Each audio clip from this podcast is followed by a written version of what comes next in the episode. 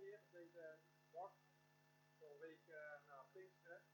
En ook uh, ja, welkom voor de mensen die thuis nog uh, deze dienst gaan terugkijken.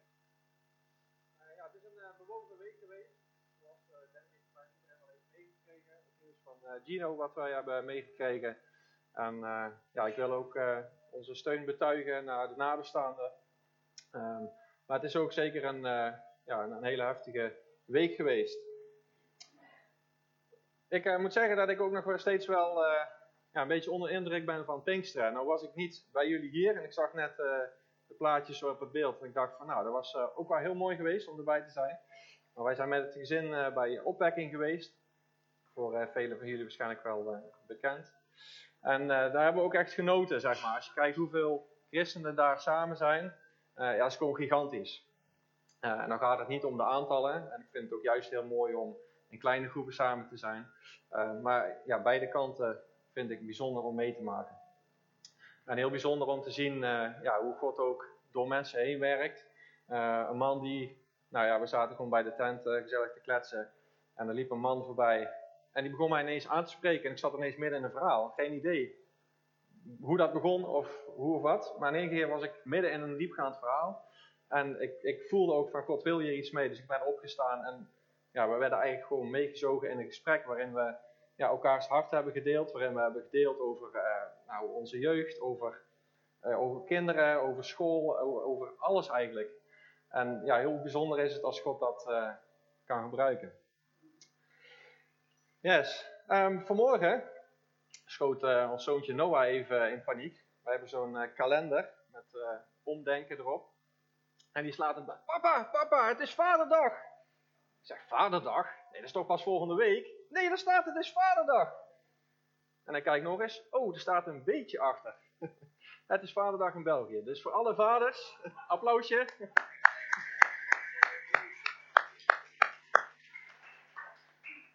En als jullie volgende week weer komen, wordt er weer opnieuw aandacht aan besteed. Kun je gewoon volle bak nog een keer. dus uh, dat was even een mooi, mooi momentje. Maar uh, in ieder geval voor alle vaders uh, vandaag waar het gevierd wordt. Uh, ja, heel veel plezier daarmee en geniet ervan samen. Um, ja, de aanloop naar vandaag was eigenlijk wel een beetje ook ja, vergelijkbaar met de periode van ons leven waar we nu in zitten. Ik heb al eerder gedeeld dat wij betrokken zijn bij een project in Ewijk, vlakbij Nijmegen. En uiteindelijk hebben we daar ook in besloten om die kant op te gaan. We hebben ons huis te koop staan. Alleen tot nu toe is ons huis nog niet verkocht. Er zijn wel mensen weer kijken. ik hoorde iets in de zaal. Kon het niet helemaal goed verstaan, maar... Uh... dus uh, dat is een spannende tijd voor ons. Een tijd waarin we echt zoeken ook van, ja, wat, wat, wil God met ons leven en wat wil God nu met ons leven? En we ervaren zeker wel bevestiging dat God wil dat we die kant op gaan, maar of hij dat van ons nu vraagt op dit moment, dat weten we niet. dus dat hebben we ook in Gods handen gelegd. Nou, in de aanloop naar vandaag toe uh, ja, zijn er wel verschillende thema's voorbij gekomen die God op mijn hart had gelegd. Alleen, ja, ik kreeg nog niet helemaal helder van, ja, maar waar wil God nu dat ik vandaag over ga spreken? En nou heb ik wel vaker ervaren dat God dat op het laatste moment ook kan doen. dus ik was nog redelijk in de rust, maar het kwam uiteindelijk deze week. Of eigenlijk eerst vorig, weekend, Pinksteren. Ik dacht, nou, Pinksteren, daar spreekt God zeker ook doorheen, en door Gods geest. En dat gebeurde ook. En mijn lijstje thema's werd eigenlijk alleen maar groter. Ik denk, ja, God, dank u wel, is heel fijn, maar ja, ik, uh, ik, denk niet dat de bedoeling is dat ik hier twee uur lang uh, ga staan. Uh, dus ja, dat bleef eigenlijk nog een beetje een vraagteken. Nou, de gebeurtenissen van de afgelopen week hebben daar uiteraard ook, ook invloed op gehad.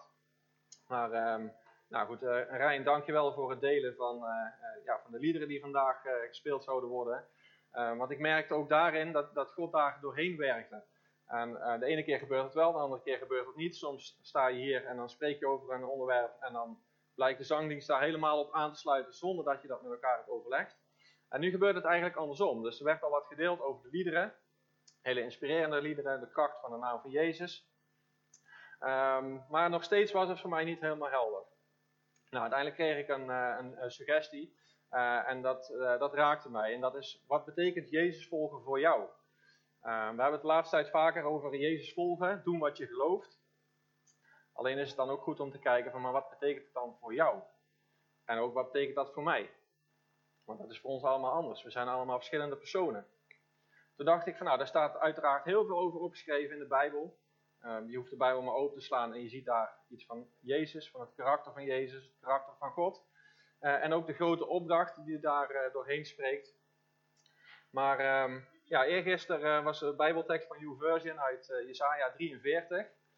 En ik weet niet wat het was, maar ik begon dat te lezen. Ik denk maar wacht, hier staat ook gewoon die grote opdracht in. Alleen is eigenlijk een beetje ja, verstopt, verpakt als het ware. Um, maar dat raakte mij en dat hield me bezig. Uh, dus ik ben daar gisteren ook veel mee bezig geweest. En eigenlijk gisteravond om 11 uur was het compleet. En dan had ik eigenlijk die verschillende thema's die God mijn hart had gelegd. Uh, ja, die, die pasten eigenlijk heel mooi in dat hoofdstuk 43. Uit het Oude Testament. Uh, want meestal als het gaat over dit onderwerp wordt gekeken naar het Nieuwe Testament. Wat uiteraard heel goed is. Maar ik denk zeker ook, God is altijd dezelfde gebleven. Dus als je in het Oude Testament leest, lees je over dezelfde God als die in het Nieuwe Testament. Dus daar wil ik het vandaag uh, met jullie over gaan hebben. Nou, als je de vraag stelt, wat betekent Jezus volgen voor jou? Uh, ik denk als ik die vraag zo aan jullie stel, dat ik allemaal verschillende antwoorden krijg. Maar die zullen ongetwijfeld op hoofdlijnen heel veel overeenkomsten hebben. Tegelijkertijd is dat ook heel erg iets wat zit in onze manier van denken, in onze cultuur. Om een vraag ook meteen te willen beantwoorden en om goed te willen beantwoorden. Of als je zelf het antwoord niet weet, om dan op te gaan zoeken in de Bijbel of op een andere plek. Maar wat is nu het antwoord op deze vraag? Want vragen, ik weet niet hoe het met jullie is, maar over het algemeen hebben wij daar niet zo heel veel mee. We hebben liever antwoorden, toch? Is dat herkenbaar? Of zegt iemand van, nee, doe mij maar heel veel vragen. Als je gaat kijken naar de Joodse cultuur, dan is dat wel zo. In de Joodse cultuur is het heel gebruikelijk om vragen te stellen en vragen eigenlijk te beantwoorden met een wedervraag. En dan kun je je afvragen, ja, maar wat heb je daar dan aan? Daar schiet je toch niks mee op. Uh, dan krijg je misschien een beetje een beeld van een klein kind die een waarom, daarom, uh, zeg maar, waarom? Ja, daarom. Ja, maar waarom dan? Uh, dat zijn vragen die brengen je niet heel veel dieper tot de kern. Maar als het gaat over de Joodse cultuur, dan is een wedervraag een vraag die wel ingaat op de vraag, maar die eigenlijk een verdieping is op die vraag. En vervolgens wordt die dan weer beantwoord met een wedervraag. En zo krijg je eigenlijk vraag op vraag. Maar gaandeweg ontstaat er wel een gesprek. En ik geloof ook dat God dat wil gebruiken. Dat we met elkaar in gesprek zijn.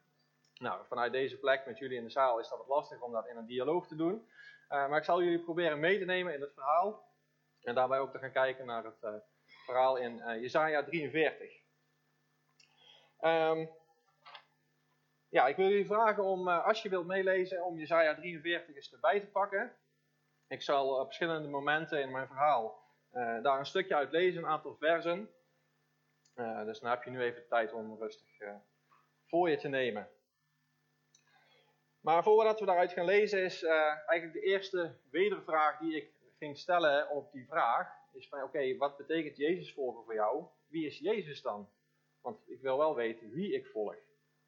Nou, ook daar zijn heel veel uh, ja, teksten over te vinden in het Nieuwe Testament. En uiteindelijk, uiteindelijk is hij natuurlijk ook op, hier op aarde, heeft hij zijn levenswandel gehad. We hebben heel veel over zijn karakter leren kennen. Uh, maar Jezus zei ook, wie mij ziet, heeft de Vader gezien. Dus ik dacht, oké, misschien is het ook interessant om eens te kijken naar de Vader. Wat is het karakter van de Vader? Um, Jezus vormt namelijk een drie-eenheid. Een drie-eenheid in God. Um, daarin heb je God, de Vader, die ons beschermt, heb je de Heilige Geest, die eigenlijk ook een soort van moederrol op zich kan nemen als helper en als trooster. En je hebt Jezus, de Zoon, die ons het goede voorbeeld geeft. Die heeft hier op aarde heeft gewandeld, die heeft ook gevoeld wat wij voelen. Hij heeft een lichaam gehad, een aards lichaam, waarin hij emoties had, uh, gevoelens had en bepaalde behoeftes had, die hij heeft doorleefd. Uh, dus, en daarin is hij dus onderdeel van die drie eenheid. Hij heeft ons ook zijn macht en kracht gegeven. Waarmee wij weer uitdrukking kunnen geven aan de grote opdracht. Dus getuigen van wie hij is, van wie God is. Maar ook andere mensen helpen en bemoedigen. Dus dat is eigenlijk de eerste vraag. De drie eenheid, daarin zie je het karakter van God, de Vader, maar ook van de Heilige Geest en van de Zoon. En dan gaan we straks uh, ja, nog gaan we daar verder op in. De tweede vraag is, als Jezus onderdeel is van die drie eenheid, wat zegt God dan over zichzelf? En dan gaan we aankomen bij Jesaja 43. Um, ehm, als je gaat kijken in vers 1 en 2, staat daar geschreven, maar nu zegt de Heer, Ik lees trouwens uit de Basic Bijbelvertaling. Maar nu zegt de Heer, volk van Israël, ik ben je maker. Ik heb je gevormd. Dus God heeft ons geschapen, hij heeft ons gemaakt. Hij heeft ook het hele heelal gemaakt. Dus dat zegt al iets over hoe groot en hoe machtig hij is. Hij heeft gesproken en het was er. Ik heb je gevormd, Israël. Wees niet bang, want ik heb je gered. Ik heb je uitgekozen. Je bent van mij. Als je door het water gaat, zal ik bij je zijn. Als je door rivieren gaat, zul je niet weggespoeld worden. Als je door het vuur gaat, zul je niet verbranden. De vlammen zullen je niets doen. En even een klein uitstapje als je denkt aan Daniel, die op een gegeven moment in de oven werd gegooid met zijn vrienden. Eh, dat de mensen die daarbij stonden, of degene die hen in de oven gooide, al verbranden. Maar uiteindelijk, Daniel en zijn vrienden bleven in die oven. Daar kwam nog een andere persoon bij, een witte gedaante. Nou, we weten allemaal dat zal Jezus geweest zijn. Uh, of de engel des Heren zou ook kunnen. Maar in ieder geval, God was bij hun in het vuur. Dus ze zaten in het vuur en ja, ik weet het niet, was er niet bij, maar ik kan me zo voorstellen dat ze doodsangst hebben uitgestaan. Maar uiteindelijk zijn ze letterlijk zonder kleerscheuren naar buiten gekomen. Er werd zelfs geen rook aan hun geroken. Zoveel bescherming ontvangen wij van God. God zegt niet, ik neem het vuur weg. God zegt niet, ik neem de aanval weg. God zegt niet, ik neem de omstandigheden weg. Maar God zegt wel, ik ben bij jou en ik zorg dat jij er weer veilig uitkomt. En dat begrip van veilig is denk ik anders dan dat wij zelf het begrip van veilig hebben. Want als ik soms terugkijk, denk ik van ja, nou ja, ging niet helemaal goed, God.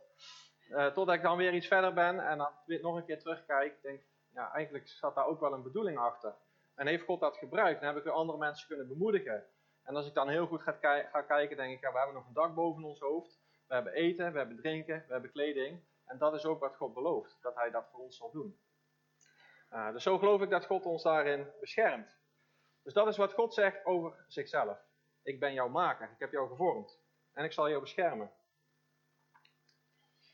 De derde vraag die ik stelde is: Jezus volgen, hoe doe je dat nou? Wat betekent dat voor jou? Is in welke tijd leven we dan? Want als je kijkt naar de tijd waarin de discipelen leefden, dan zie je ook dat God daarin aanwijzingen geeft. Aanwijzingen geeft voor de tijd waarin we leven. Dus dat betekent ook iets voor de manier waarop wij Jezus volgen. En als je kijkt ook naar de afgelopen week, de afgelopen periode, als ik kijk naar mijn eigen leven, en ik weet niet hoe het voor jullie is, maar er zullen ongetwijfeld mensen zijn die dat ook erkennen, uh, dan zijn er periodes dat je spreekwoordelijk door het water gaat. Of dat er een woeste rivier door je leven stroomt. En dat het water hier soms aan de lippen staat. Soms uh, zwem je tegen de stroom in, misschien wel op je werk, omdat je ergens gewoon helemaal niet achter kunt staan. Uh, of op een andere plek dat er een gesprek gaande is, dat je denkt van, maar wacht even, volgens mij gaat dit dwars in tegen het woord van God. En misschien sta je wel op en zeg, nee maar wacht even, volgens mij zit dat anders. Of op plekken waar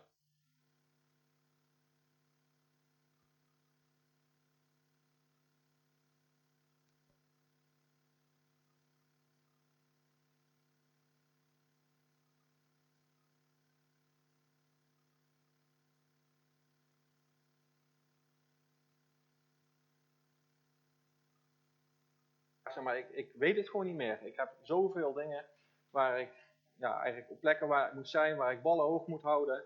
Ehm, soms gebeuren er dingen waar je ook geen invloed op hebt, maar wat wel iets doet met jouw emotie. En dan kan het zijn dat je helemaal overweldigd wordt of overspoeld wordt. En ook geestelijk gezien leven we nu in een bijzondere periode. We leven namelijk tussen Pinksteren en de wederkomst. En dat vond ik ook wel bijzonder toen ik keek naar vandaag. Ik denk een week na Pinksteren. Ja, maar waar ga je het dan over hebben? Want ja, eigenlijk is het verhaal, voor zover wij het nu kennen, is al rond, is al compleet. Jezus is naar deze aarde gekomen. Hij is gekruisigd. Hij is gestorven voor onze zonden. Hij is weer opgestaan. Uh, hij is nog verschenen aan de discipelen. Hij is naar de hemel gegaan en hij heeft ons een helper gestuurd, de Heilige Geest. En de grote opdracht is dat Jezus zegt: Ga. Ik heb je alles meegegeven wat je nodig hebt. Ga. En toch denk ik dat het belangrijk is om te weten in welke tijd we ook geestelijk leven. Als je dan gaat kijken naar, maak ik even een uitstapje naar de feesten van de Heer. Ik weet niet of jullie er wel eens van hebben gehoord. Eh, in het Oude Testament heeft eh, God zelf zeven feesten ingesteld. Zeven Joodse feesten. En die Joodse feesten die vormen met z'n zevenen eigenlijk een raamwerk van ons geestelijk tijdspad. En daar ga ik jullie even kort in meenemen. Het bijzondere daarvan is dat de eerste vier van die feesten die zijn al vervuld in de gebeurtenissen die ik net heb benoemd. Dus als je het hebt, weer even terugpakkend op de vraag wie is Jezus en wie is God. God is iemand die ook al van tevoren zegt wat hij gaat doen en hij doet het ook. En hij heeft het laten zien dat exact op de dagen van de Joodse feesten hij is gekruisigd, gestorven, begraven en ook weer opgestaan. En datzelfde geldt ook voor Pinksteren. Nou, als we gaan kijken naar die zeven feesten, dan is uh, de eerste feest is Pasen, Pesach. En dat werd, uh, of dat wordt nog steeds door de Joden ook gevierd, als symbool van de uittocht uit Egypte, bevrijding van slavernij en daarmee ook bevrijding van zonde. En uiteraard is ook een thema wat nog steeds actueel is, want wij hebben zelf ook nog dagelijks bevrijding daarvan nodig. En precies op die feestdag, uiteraard geen toeval, is Jezus gekruisigd. En dat begon de avond daarvoor al met het laatste avondmaal, waar Jezus zelf nog aan deelnam.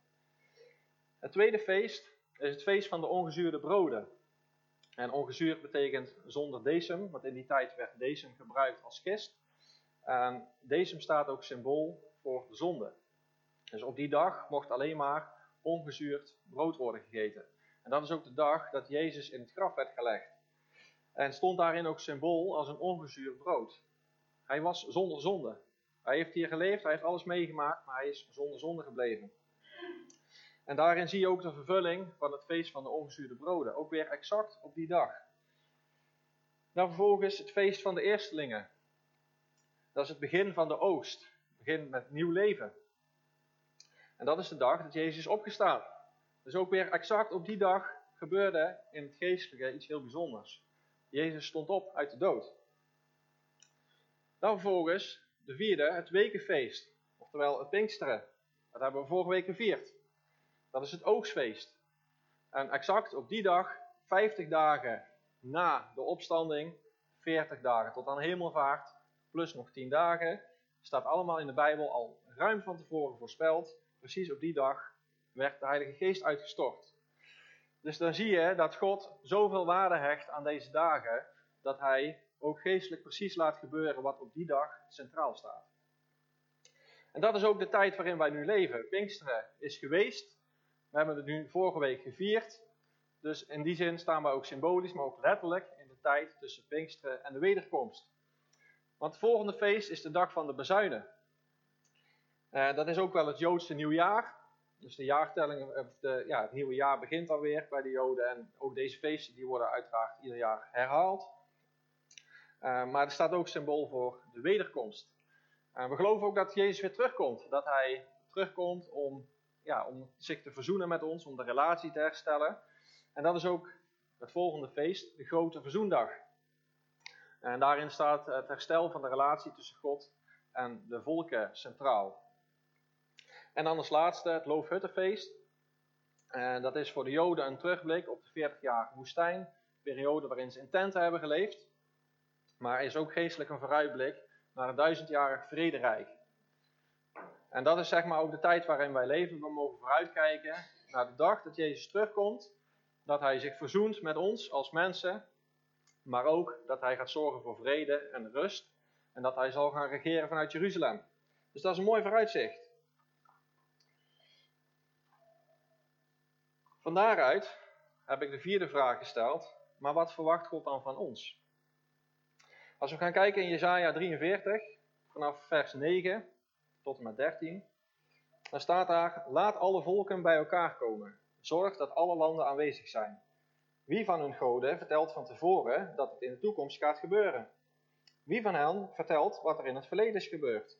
Laat hun getuigen naar voren komen, zodat ze gelijk kunnen krijgen. Dan zullen de mensen het horen en zien dat het de waarheid is.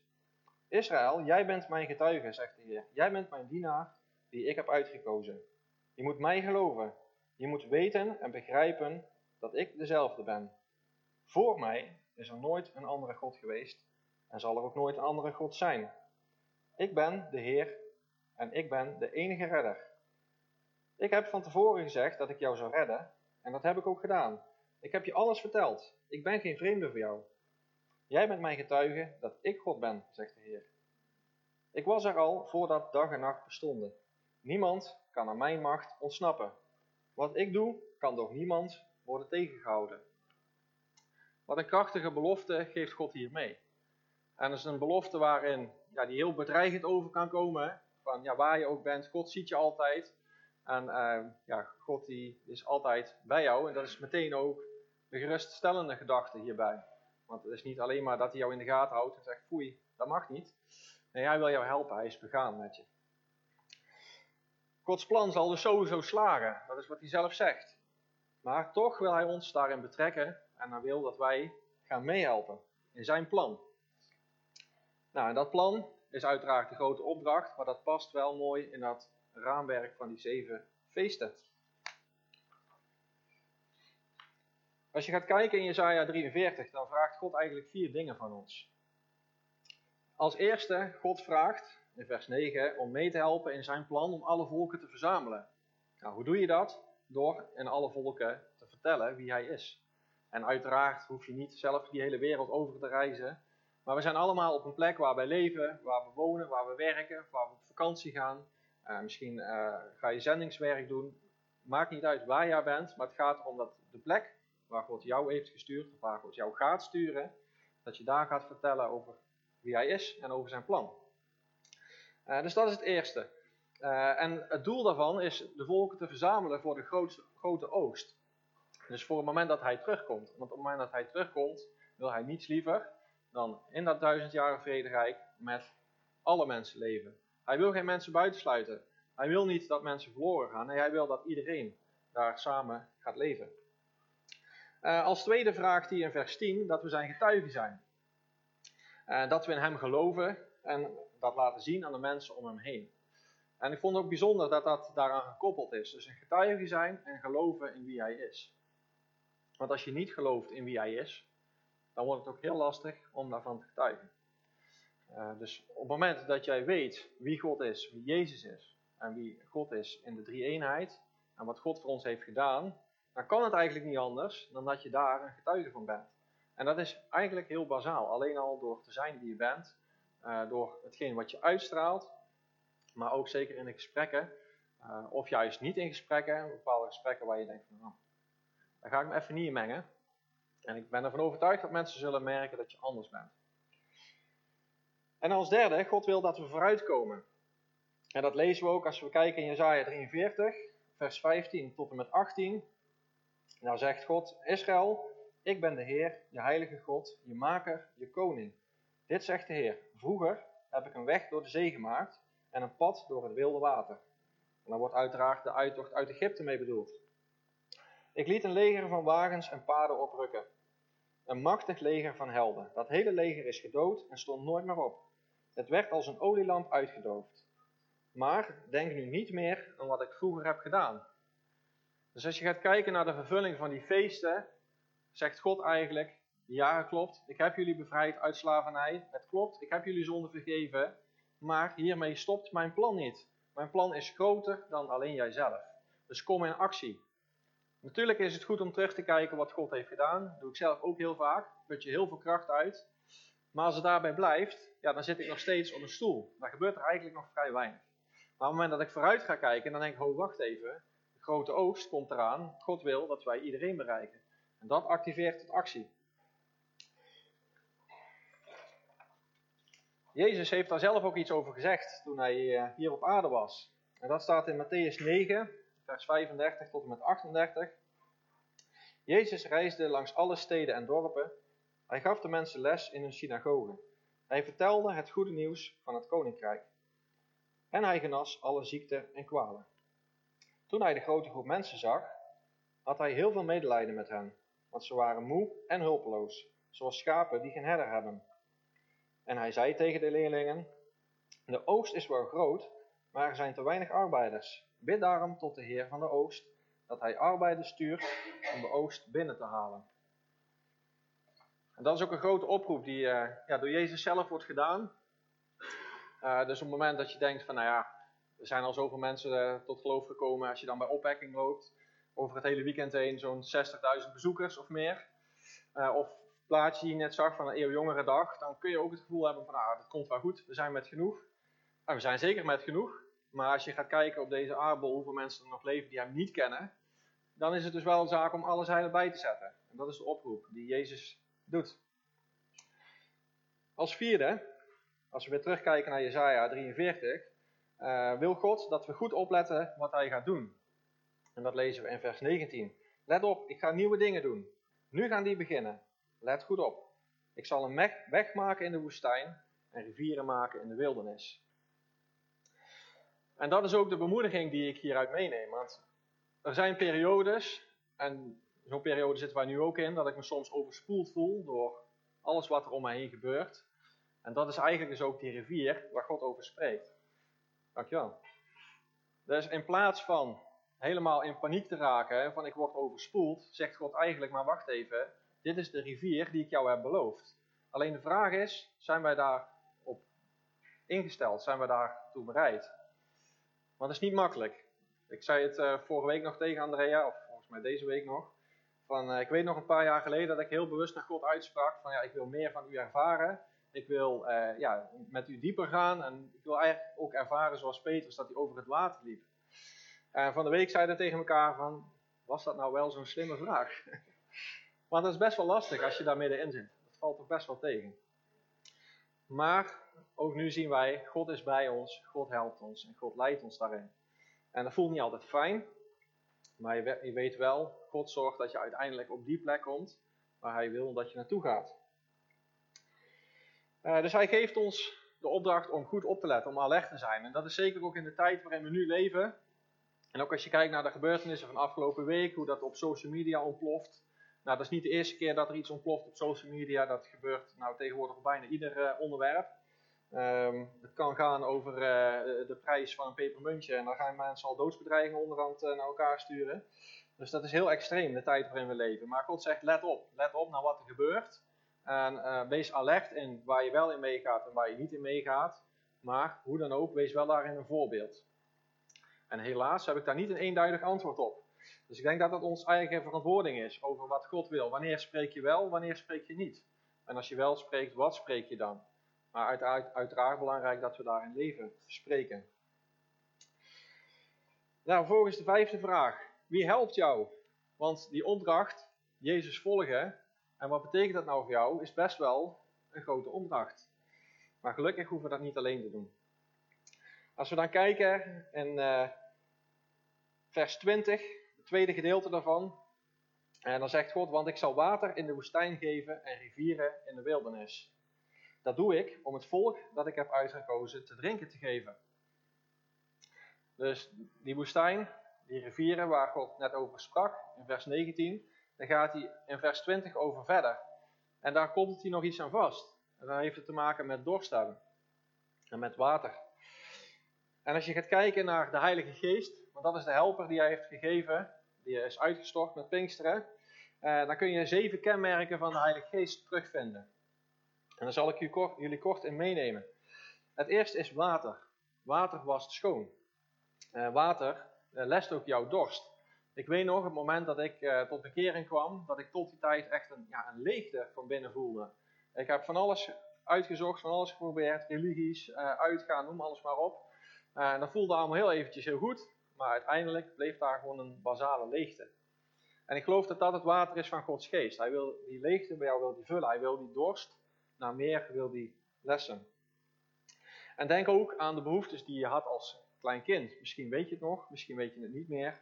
Uh, maar als kind hebben we allemaal basale behoeftes van aandacht, van liefde, gezien willen worden, waardering krijgen, aangemoedigd worden.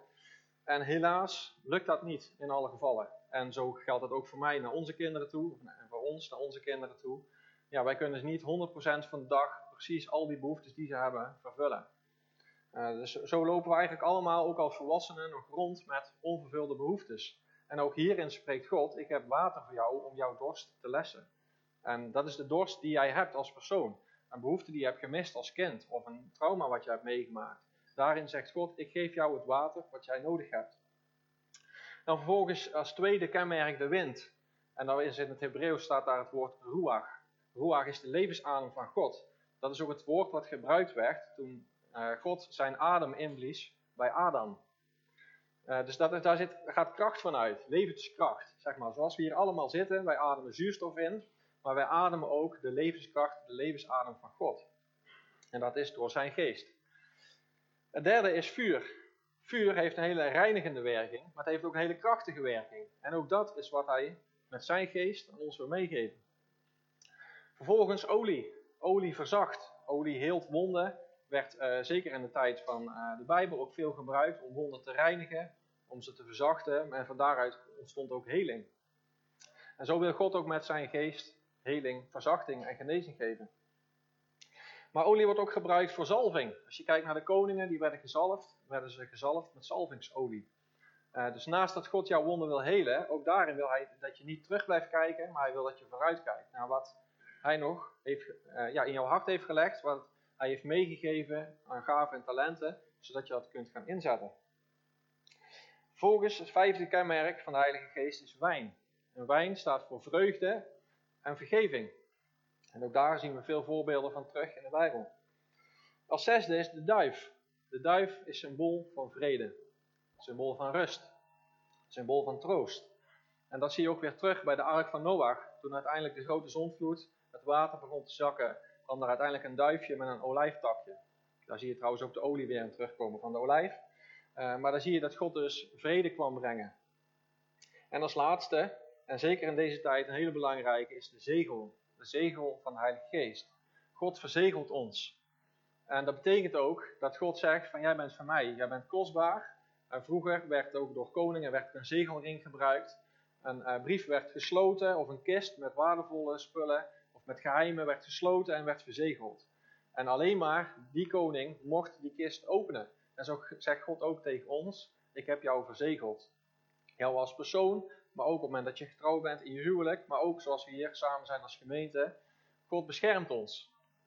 En hij beschermt ons zo erg dat hij er dus continu ook op toeziet dat er niemand anders is die die zegel verbreekt. En dat is de bemoediging die we daaruit mogen meenemen.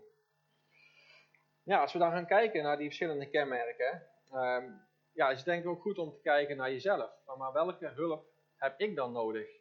Want God heeft door zijn Heilige Geest heel veel beschikbaar gesteld. Aan de hand van zeven kenmerken horen we al hoe veelzijdig eigenlijk die liefde en die kracht van God is. Maar God is een persoonlijke God. Dus God wil ook dat we naar onszelf kijken. Hij weet al wat we nodig hebben. Maar weten we het zelf? Dat is eigenlijk de vraag. Uh, misschien wil je wel een nieuwe start maken. Misschien heb je zoiets, ik wil uh, weer nieuwe levenskracht ontvangen. Um, omdat het ja, leven tegenwoordig best wel vermoeiend kan zijn.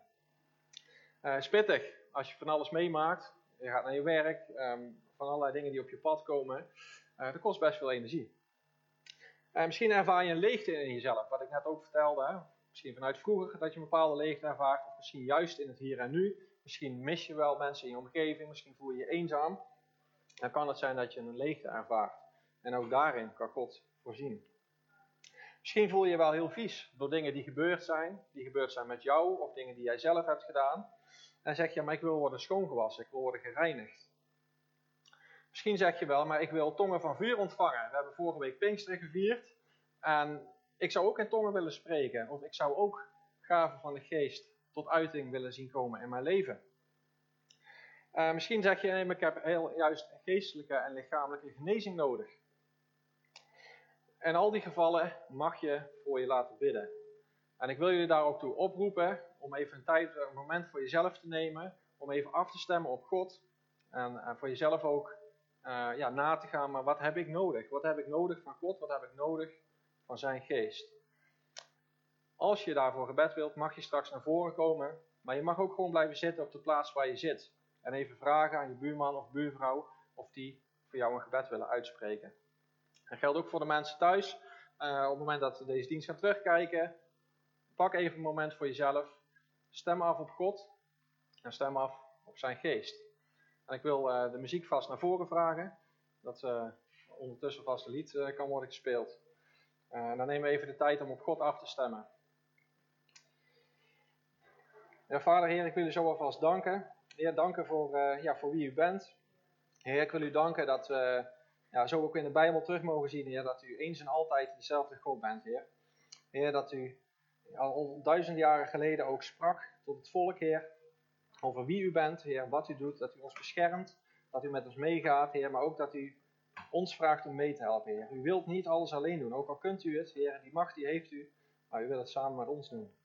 Heer, en dank u wel dat u ja, ons daarvoor uh, wilt gebruiken, Heer, met al onze onvolkomenheden, met al onze fouten die we hebben gemaakt. Heer, maar u heeft al onze zonden vergeven. Niet alleen de zonden die we hebben gedaan, Heer, maar ook alle zonden die we nog gaan doen. Heer, u heeft alles al gedaan. Heer, u heeft de relatie weer hersteld. Heer, en u komt ook zelf terug bij de wederkomst om het werk zelf af te maken. Heer, maar u vraagt ons in de tussentijd om, om datzelfde ook te doen voor de mensen om ons heen, Heer. Als we een collega tegenkomen die hulp nodig heeft, Heer, die het moeilijk heeft thuis, die het zwaar heeft, om even een hart onder de riem te steken. Of gewoon even een momentje te nemen om te luisteren naar wat er speelt. Heer, als we op straat lopen en er valt iemand, om iemand even op te rapen, om te kijken of de wonden verzorgd moeten worden. Heer, op, op het moment dat we weten dat iemand in financiële nood is, Heer, om, uh, om te helpen. Het zij financieel, het zij praktisch. Heer, maar dat we laten zien, ik ben er voor je en ik help je. Heer, voor mensen die in eenzaamheid zijn, Heer, dat we, uh, dat we daar mogen zijn, Heer. Dat we een stuk nabijheid mogen bieden. Heer, en dat, dat we mensen mogen laten weten, je bent niet alleen. Je hebt een God die van je houdt en ik ben hier voor jou. Heer, en ja, zo wil ik ook bidden, Heer, dat u zo met ons meegaat. Heer, en ik wil bidden, Heer, voor, ja, voor datgene, Heer, waar wij nog vervulling van u nodig hebben, Heer. Heer, steeds weer opnieuw. Heer, water, Heer, om ons te reinigen, maar ook om onze dorst te lessen. Heer, de olie van uw geest, Heer, om ons te reinigen, of om ons, onze wonden te reinigen, Heer, om te helen. Heer, en ja, dank u wel dat u zo steeds weer voorziet in datgene wat we nodig hebben. Heer, en dank u wel dat u zo uh, ja, meegaat op onze reis. Heer, ik bid ook zo voor ons als uh, gemeente. Heer, dat u ja, ons ook beschermt, Heer, met zegel van uw geest. Heer, en ik zie het ook al gebeuren, Heer, dat u uw zegel op ons legt, Heer. Heer, dat we niet beschadigd zullen worden, Heer. Heer, en we zullen misschien alle kanten worden geschud. Heer, we zullen worden aangevallen, Heer, en we worden ook aangevallen. Heer, maar u hebt ons verzegeld. We zijn kostbaar, Heer. En u zegt, er mag niemand, maar dan ook niemand, mag daar aankomen. Helemaal niemand. Heer, dank u wel dat u zo'n goede en krachtige God bent. Heer, en ik bid zo, Heer, ook voor ons, ieder van ons. Heer, dat we ja, ook van u mogen ontvangen wat u voor ons klaar heeft liggen, Heer. Heer, u heeft het al gedaan. Heer, u heeft het al klaar liggen. Maar u vraagt ook, wil je het ontvangen? Heer, u vraagt ook, heb je dorst? Heb je honger? En dan zegt u, ik heb hier levend water voor en ik heb levend brood voor je. Heer, dank u wel zo voor wie u bent. Amen.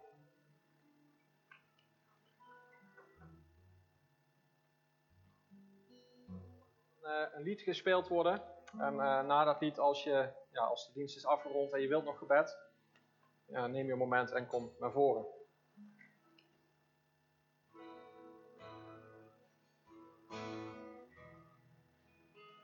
Het is een uh, bekend lied. Fieber heeft problemen, dus die blijft uit. We hebben gekozen voor een lied wat waarschijnlijk iedereen wel kent. Mijn Jezus, mijn redder.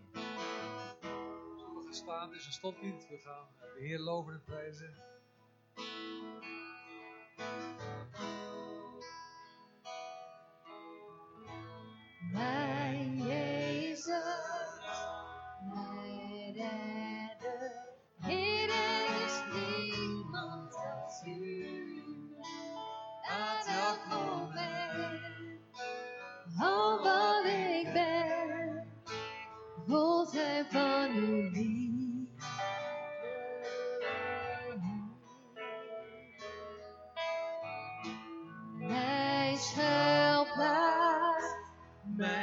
Trooster, veilige toren van kracht, adem en stem, al wat ik ben, breng het u voortdurend. Juich voor de Heer. Ja, voor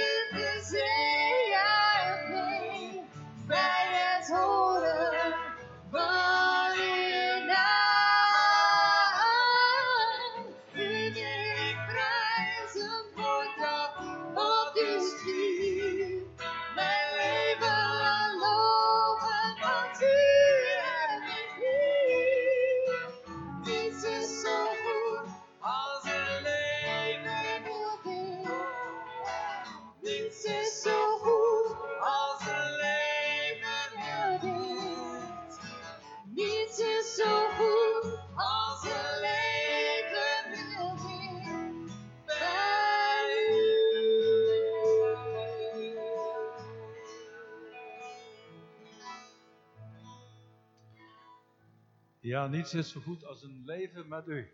Prachtig toch? Ik denk dat dat heel belangrijk is. Lennart, ik, eh, ik ben echt opgebouwd en bemoedigd door je. En eh, ik kan wel rustig zeggen, eh, ook dat een stukje kwetsbaarheid wil ik best tonen. Ik, als het gaat over aanvallen, yes, we weten wat dat is.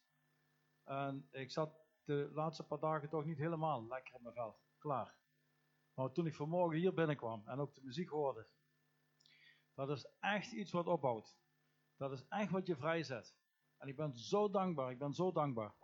En ik wil ook echt iedereen aanmoedigen die ook eh, de livestream terug gaat luisteren, maar ook voor de mensen, ja, dat het eigenlijk een zin zal bereiken die er niet zijn geweest. We hebben gewoon samen de Heer nodig. We hebben ons samen zijn. Elkaar hebben we gewoon nodig, want dat bouwt op. En ik ben heel simpel, ik ben maar een eenvoudige jongen. Maar ik stel gewoon, ik merk, als ik dat nodig heb, dan heb ik ontdekt op mijn leeftijd en alles wat ik al meegemaakt heb, dat er nog veel anderen zijn die dat ook nodig hebben. Klaar. En daarom wil ik jullie in ieder geval de zegen meegeven, die zeer belangrijk is. En ik zegen jullie echt met die grote liefde van God. Echt, die zoveel voor ons, voor jullie, voor mij heeft overgehad. Dat Hij zijn eigen zoon gegeven heeft. En ik zegen jullie ook met die genade van de Heer Jezus. Doordat Hij het volbracht heeft, heeft Hij ons alles kunnen vergeven. Als wij het maar aannemen. En ik zegen jullie ook echt met de kracht van de Heilige Geest. Want we hebben Zijn kracht nodig. Ik kan het niet alleen, u kunt het niet alleen. We hebben Zijn kracht nodig. En ik zegen jullie daarm- daarmee. Ook weer voor de komende weken en de komende dagen. Pak het vast. Want u heeft de Heilige Geest in u. En Hij zal bij u blijven. Totdat Jezus terugkomt. Waar we het ook over gehad heeft. En we kijken ernaar uit. En de hele gemeente zegt Amen.